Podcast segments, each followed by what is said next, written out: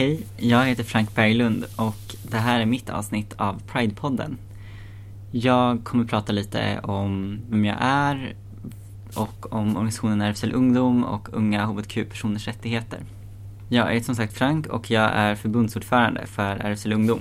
RFSL Ungdom är ungdomsförbundet för hbtq-personers rättigheter. Vi är ett ungdomsförbund till RFSL som jobbar för hbtq-frågor eh, generellt. Och jag är då förbundsordförande och det betyder att jag har blivit vald av medlemmarna att leda organisationen. Och jag leder också vår nationella styrelse, förbundsstyrelsen, och eh, är ansvarig för att driva politik och göra lite allt möjligt i organisationen. RFSL Ungdom startade 1999 som en del av RFSL och 2003 så blev vi en egen organisation. Och vi har egna medlemmar och vi brukar ha ungefär 2000 medlemmar runt om i hela Sverige.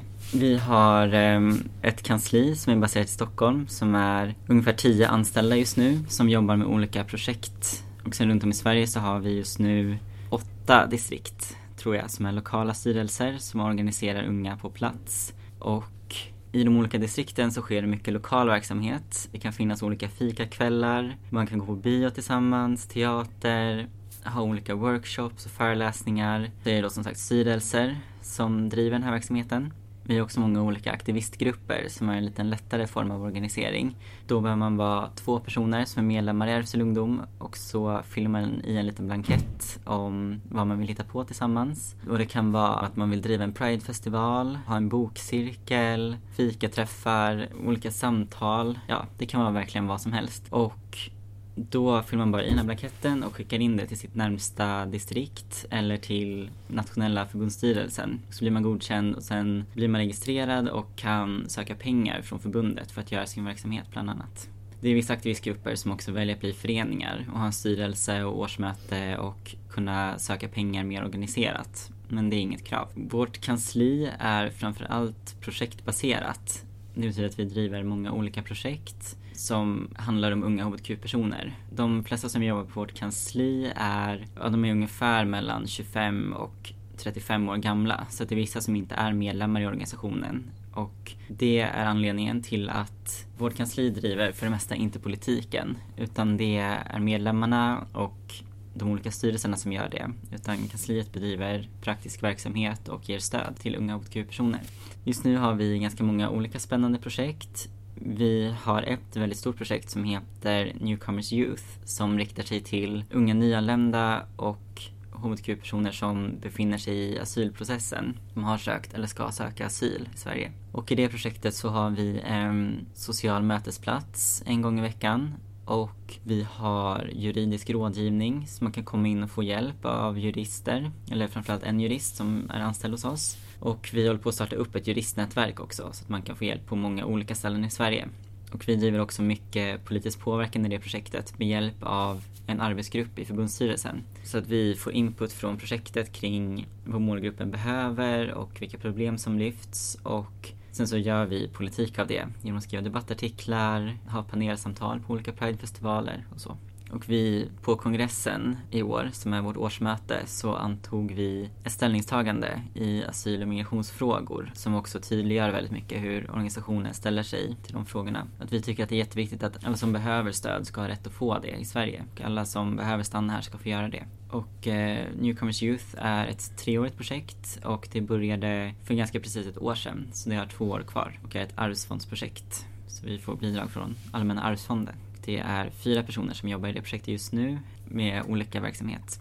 Just det, vi har också eh, en del som är så kreativa workshops som kan vara så dansworkshops, eh, musik, teater som drivs av en konstnärlig ledare där då unga, som vi säger newcomers, alltså nyanlända eller personer i asylprocessen där de får komma och göra kreativa saker.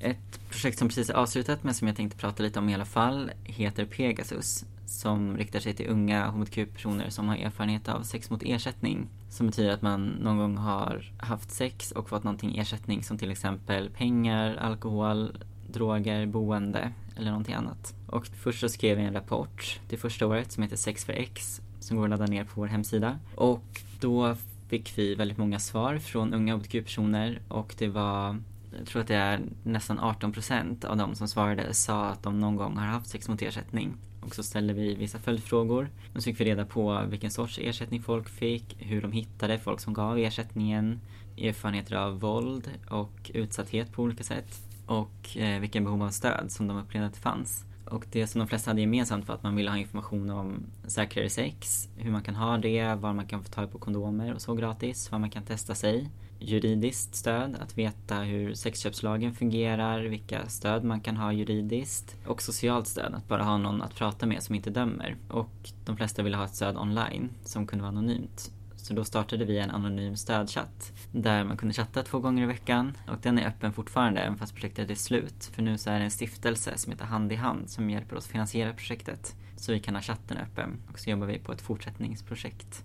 För att det känns så eh, himla viktigt och den här målgruppen har gett väldigt bra respons på det här projektet och eh, vi känner att det är väldigt viktigt att här, kunna ge stöd till alla hbtq-personer.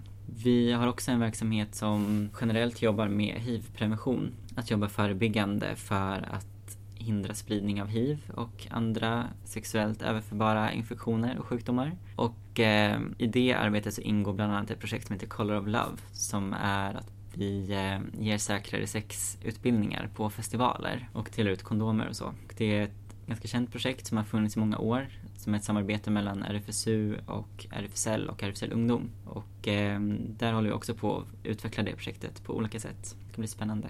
Vi har också haft ett skolprojekt ganska nyligen som vi håller på att fundera kring hur vi ska fortsätta med det. Och så håller vi på och ska precis påbörja en rekrytering av någon sorts eh, organisationsutvecklare ungefär som ska jobba med lokalt stöd till medlemmar och aktivister. Så det är ungefär det som händer hos oss just nu. 2017 är ett ganska speciellt år för oss för att två väldigt stora projekt hos oss har nyligen tagit slut. Alltså då det här skolprojektet, Nätverk för normkritiska skolgrupper och också Pegasus. Så att nu är vi i fasen att vi söker en massa nya projekt, funderar på hur vi ska utveckla verksamheten och ja, en organisation i förändring lite grann. Det är lite utmanande men framförallt spännande. Någonting som jag möter väldigt mycket i mitt uppdrag är att jag ser unga hbtq-personer som har ganska stora utmaningar i sin vardag. Det finns mycket statistik och också personliga berättelser som jag får höra som handlar om psykisk ohälsa. Att personer har väldigt stora behov av stöd men att det inte finns till exempel tillgång till psykologer eller kuratorer som har hbtq-kompetens. Det kan vara att man har fått träffa någon som har väldigt förutfattade meningar eller ger ett dåligt bemötande generellt. Eller det kan också vara att man blir utsatt för mobbing eller utfrysning och så i skolan. Och att det finns lärare som då inte vet hur de ska göra.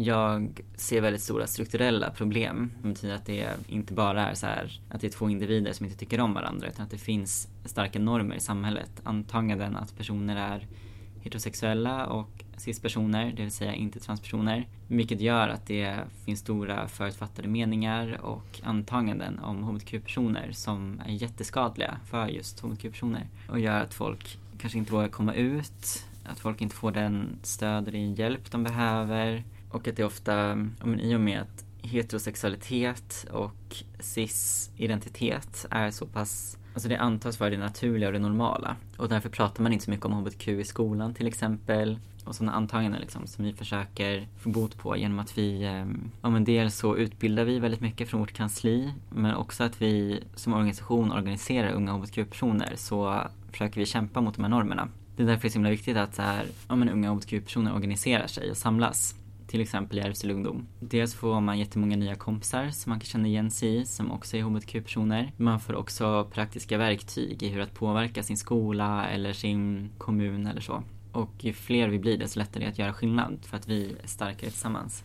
Men det är det jag brinner för, liksom, att vi organiserar oss, vi kräver skillnad. Det gör jättestor skillnad om man bara blir medlem hos oss till exempel. För att om vi har fler medlemmar så det väger mycket tyngre för politiker till exempel att säga att vi har 2000 medlemmar än att säga att vi har 500 medlemmar, även fast vi kanske säger samma sak. Det finns också flera undersökningar, bland annat eh, från Folkhälsomyndigheten som handlar om unga transpersoners hälsa, eller transpersoner generellt hälsa. Men där skriver de i den rapporten att de transpersoner som träffar andra transpersoner mår mycket, mycket bättre än de som inte gör det på regelbunden basis. För att det dels handlar om att man får uppleva en större maktkänsla över sitt liv. Att så här, påverka vilka man umgås med, hur den presenterar sin könsidentitet och sexualitet. Men också att känna att om vi är många och kanske även om det är någon som tittar konstigt på bussen eller någon i skolan som säger en jobbig kommentar så finns det ett jättestort nätverk och ett community av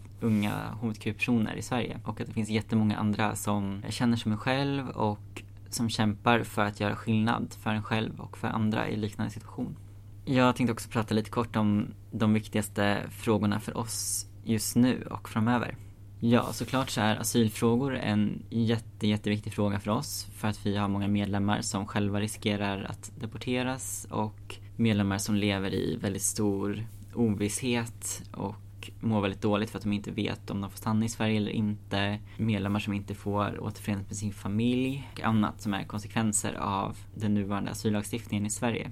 Och vi jobbar också jättemycket för stöd till unga transpersoner. Vi fokuserar mycket nu på transpersoner som är väldigt unga, under 13 år, kommer vi jobba mycket med det här året och försöka få till ett projekt som handlar om det. För att det är många mötesplatser för hbtq-ungdomar där man bara får vara om man är ungefär 12, 13 och uppåt. Och det finns nästan ingenting för barn som är under 13 år. Och det är då som en kanske inte lika lätt hittar information på internet eller så heller, utan vi vill göra någon sorts lägerverksamhet eller någon sorts stödverksamhet för unga transpersoner under 13 år. Och vi jobbar på för att eh, fixa fler liknande projekt som Pegasus där vi ger stöd till unga hbtq-personer som lever i social utsatthet som till exempel har sex mot ersättning. Vi undersöker också om vi skulle kunna ge stöd till unga som lever i hemlöshet eller miss och riskbruk, hur det skulle kunna se ut. Och så jobbar vi mycket för någonting som vi gjorde mycket förra året och som vi kommer göra i år också är att bevaka barnkonventionen och dels kämpa för att den ska bli svensk lag men också att lyfta att att hbtq-barns rättigheter i Sverige idag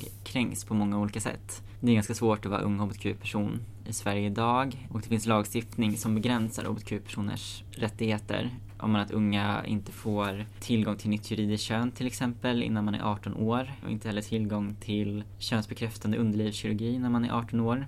Den gränsen tänker vi skulle kunna sänkas till 16 minst. Och vi tycker att juridiskt kön borde vara tillgängligt för alla och att det skulle kunna vara en process som är lika enkel som att byta förnamn i Sverige idag. Det är också självklart att men, i och med de nya asyllagarna så är det jättemånga delar av barnkonventionen som inte efterföljs och inte kommer kunna efterföljas så länge de finns. Så det är en stark politisk fråga som vi bevakar men som inte alltid syns så mycket utåt. Ja, det var ungefär allting jag hade att säga. Om man vill läsa mer om RFSL Ungdom så finns vi på rfslungdom.se. Vi finns också på Facebook, Instagram och Twitter vi heter RFSL Ungdom på alla de ställena. Och man får jättegärna mejla mig om man har fler frågor, om man vill engagera sig men inte riktigt vet hur eller så. Och jag nås på frank rfslungdom.se. Tack för att du har lyssnat. Hej då!